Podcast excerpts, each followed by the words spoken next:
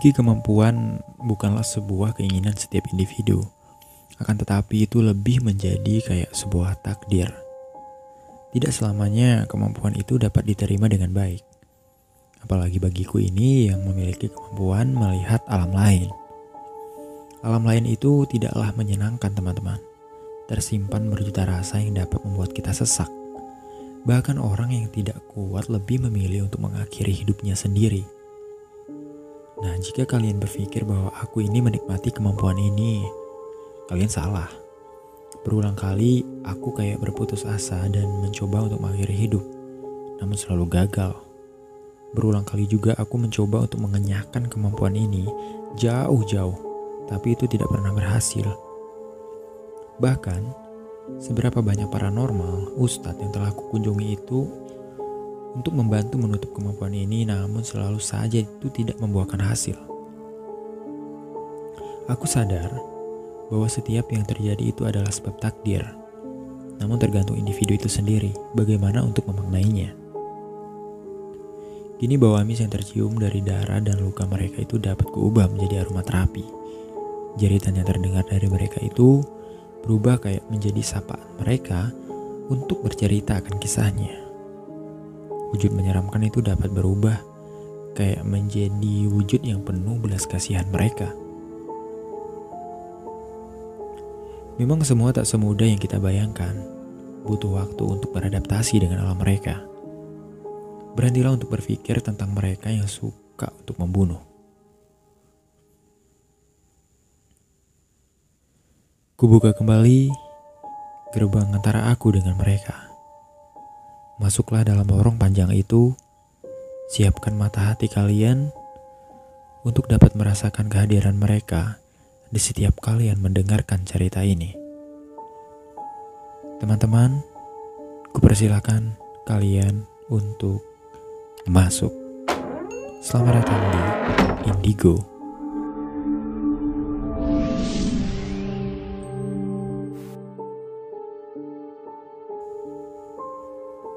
Namaku Celia Apitasari. Anak kedua dari tiga bersaudara. Awalnya aku anak ketiga dari empat bersaudara, namun kakak keduaku meninggal saat masih bayi. Aku berbeda dengan kedua saudaraku, terlahir secara tidak normal seperti yang lainnya. Mama melahirkanku hanya dalam jangka waktu mengandung selama tujuh bulan, bukan sembilan bulan. Bahkan diriku terlahir prematur. Kalian tahu kan bagaimana bayi prematur? Saat diriku masih bayi, ukurannya hanya sebesar botol aqua. Ya, sekitar 600 ml gitulah. Aku bukanlah orang yang sengaja ingin membuka mata batin karena penasaran dengan hal gaib. Tapi aku juga bukan berasal dari keturunan orang yang notabene itu bisa melihat mereka, bahkan keluargaku yang sangat normal dan bisa juga dikatakan dengan orang yang tidak percaya dengan hal yang di luar nalar tersebut. Telingaku sangat sensitif.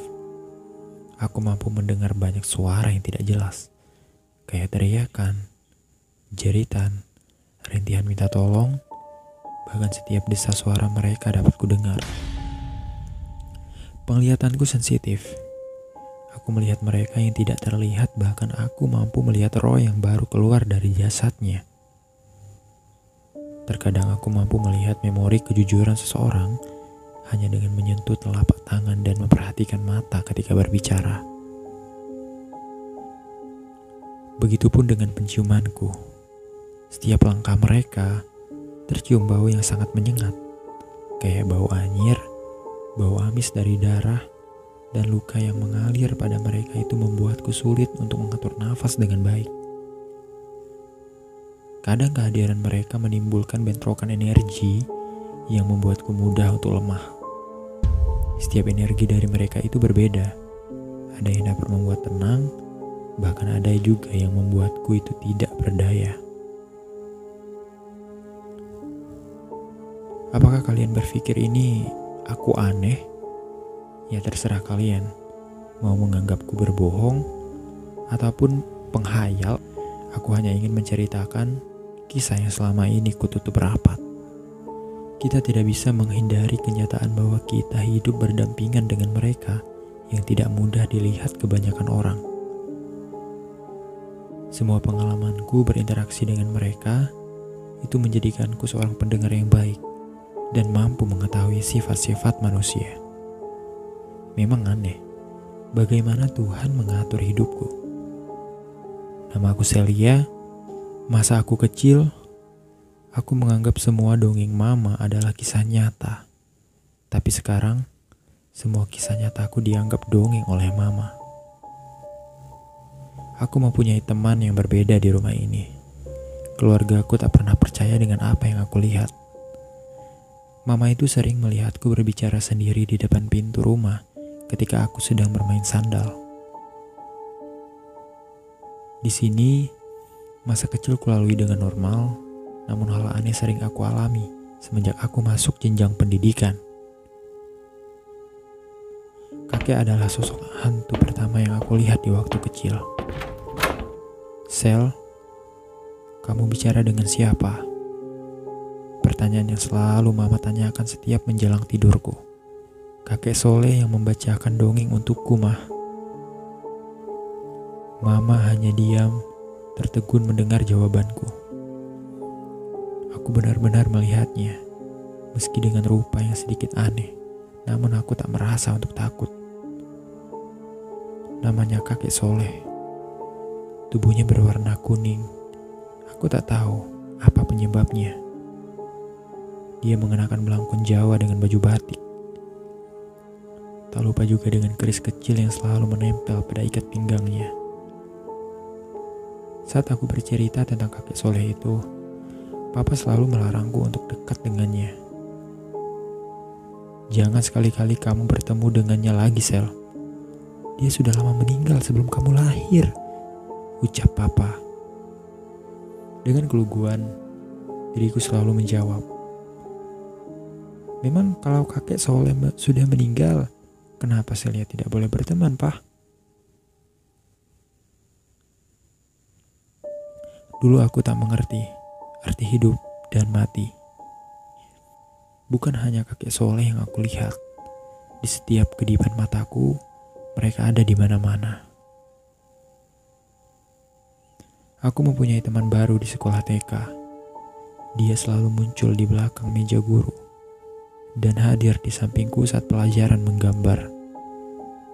Saat jam pulang, aku selalu pulang paling akhir karena harus menunggu mama untuk menjemputku. Nah, di setiap jam pulang, aku selalu melihat seorang kakek yang senantiasa menanyakan ruang kelas padaku. Nak, ruang kelas kelompok B di mana ya? Tanya kakek itu kepadaku. Kakek jalan saja lurus terus, ada ruang kelas sebelum kamar mandi. Nah, itu kelasnya, kek. Aku menunjukkan ruang kelas itu. Aku tak menyadari saat aku menunjukkan ruang kelas pada kakek yang berdiri di sampingku. Ternyata Bu Elma salah seorang guru melihatku. Lia, kamu bicara dengan siapa? Tanya Bu Elma kepada aku. Ini bu, kakek ini menanyakan ruang kelas B. Aku menunjukkan kakek yang berdiri di sampingku. Tidak ada siapa pun, Li. Sebaiknya kamu tunggu ibumu di depan saja ya. Bu Elma kemudian mengantarkanku untuk ke depan. Setengah jalan, aku menengok ke belakang ternyata kakek itu masih ada. Dia sedang berjalan bersama anak kecil yang kulihat di ruang kelasku. Mungkin itu cucunya. Mereka ada di mana pun aku berada. Bahkan pertama kali aku melihat wujud menyeramkan dari mereka itu ketika aku masih SD. Waktu itu, aku tak mengetahui bahwa mereka adalah hantu. Saat itu, cacar sedang dilaksanakan. Kalian tahu, aku paling takut saat ada cacar di sekolah, bahkan aku selalu kabur menghindari cacar. Namun hal itu yang membuatku harus bertemu dengan sosok satpam dengan satu kakinya. Ketika cacar dilaksanakan, Aku berlari menuju kamar mandi sekolah dan bersembunyi di dalamnya. Aku terus berdiam diri di dalamnya. Tak lama kemudian, itu terdengar suara seperti orang yang menyeret langkahnya. Suara itu semakin dekat. Aku memberanikan diri untuk membuka pintu kamar mandi. Saat aku keluar dari kamar mandi, betapa terkejutnya. Terlihat sosok satpam yang berdiri dengan satu kakinya yang penuh dengan luka di seluruh tubuhnya. Setelah kejadian itu, aku tak berani lagi pergi ke kamar mandi sendirian. Waktu SD, aku terpaksa harus berpindah sekolah. Saat kelas 5 SD, aku berpindah sekolah yang letaknya tidak jauh dari sekolahku dulu. Di sekolah baruku, aku berteman dengan salah satu dari mereka. Namun dia berbeda karena dia berasal dari keturunan Belanda. Namanya Isabel. Dia mengenakan gaun panjang berwarna oranye, berambut ikal pendek. Jika dilihat usianya sekitar 13 tahun, sekolah baruku memang dulunya bekas tahanan di masa penjajah. Bangunannya pun menjulang tinggi. Pernah aku melihat sekilas masa penindasan bangsa Belanda saat pelajaran sejarah di kelas. Ketika guruku menjelaskannya, Selintas masuk penglihatanku, bahkan seolah aku tengah berada di antara mereka. Aku sering mendengar suara pistol saat pelajaran. Vision tentang masa penjajah itu lebih terasa jika aku memasuki ruang perpustakaan. Isabel selalu bercerita ketika aku masuk ruang perpustakaan. Dia bercerita tentang keluarganya hingga kematian yang menimpanya. Aku dan Isabel begitu dekat, sehingga apa pun yang Isabel katakan, aku selalu menurutinya. Dia meminta aku untuk ikut bersamanya. Tentu saja aku mengikuti. Nah, saat mama merasakan keanehan pada diriku, dia membawaku pergi ke rumah orang pintar untuk menanyakan apa yang terjadi padaku.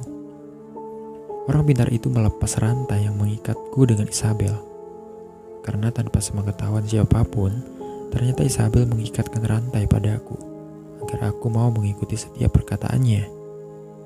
Setelah rantai itu lepas, aku menderita tipes yang parah sekali.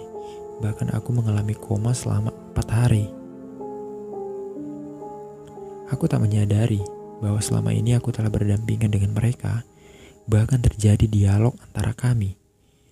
Dialog Masa kecilku itu sangat terbuka lebar untuk mereka, namun aku tak menyadari bahwa mereka bukanlah manusia. Selama ini mama tidak mengerti apa yang terjadi denganku.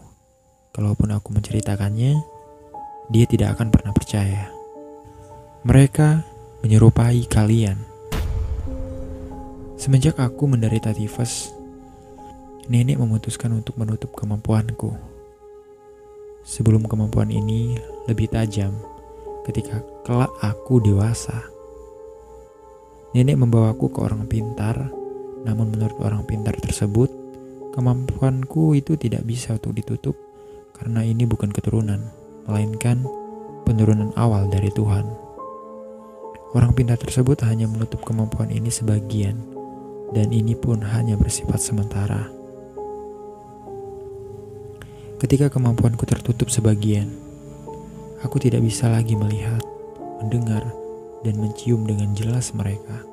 Namun aku masih bisa merasakan kehadiran mereka. Sering aku merasa salah satu anggota keluargaku berada di suatu tempat, namun nyatanya dia bukan di tempat itu. Bukannya kakak lagi di dapur ya?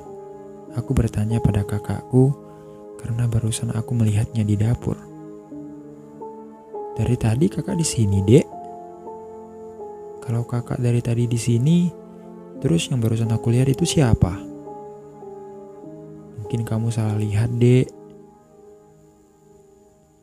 Mereka sering berseliweran di dalam rumahku. Terkadang mereka menyerupai Korin anggota keluarga aku sendiri. Sering aku mendengar suara yang sangat mirip dengan suara anggota keluargaku.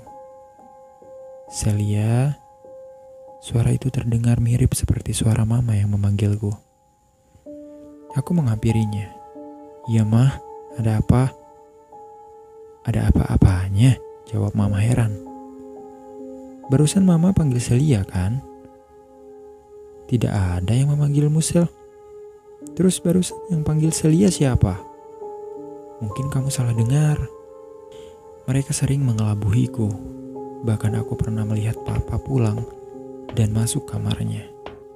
Namun beberapa menit kemudian, aku membuka pintu dan yang ternyata papa pulang. Terus yang barusan pulang sebelumnya itu siapa?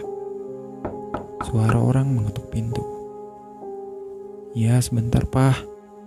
Sautku yang sudah tahu kalau itu pasti papa. Setelah aku buka pintu itu, papa masuk dan beristirahat di kamar. Beberapa menit kemudian, aku mendengar suara ketukan pintu lagi. Ya, sebentar. Aku berlari membukakan pintu. Aku terkejut saat melihat ternyata papa yang baru pulang. Papa? Aku bertanya heran. Iya, kenapa Sel? Papa bertanya kembali. Bukannya papa sudah pulang? Iya, ini papa baru pulang. Bukan, Pak. Barusan Papa pulang beberapa menit sebelum ini dan Papa langsung masuk ke kamar. Aku menjelaskannya. Ada apa, Sel? Tanya Mama yang barusan muncul. Mah, tadi Celia sudah membukakan pintu saat Papa pulang beberapa menit yang lalu. Jelasku pada Mama. Kamu salah lihat kali, Sel. Aku yang merasa penasaran dengan hal ini langsung menuju ke kamar Papa karena barusan aku melihat papa masuk ke kamarnya. Namun, saat aku melihat kamar papa ternyata itu tidak ada siapa pun di dalam kamarnya. Ini benar-benar aneh. Jelas-jelas barusan aku membukakan pintu dan papa langsung masuk kamarnya. Tapi beberapa menit kemudian, papa muncul lagi di depan rumah. Lalu siapa yang menyerupai papa? Aku rasa kalian juga pernah merasakan hal yang sama denganku. Apakah kalian pernah merasakannya?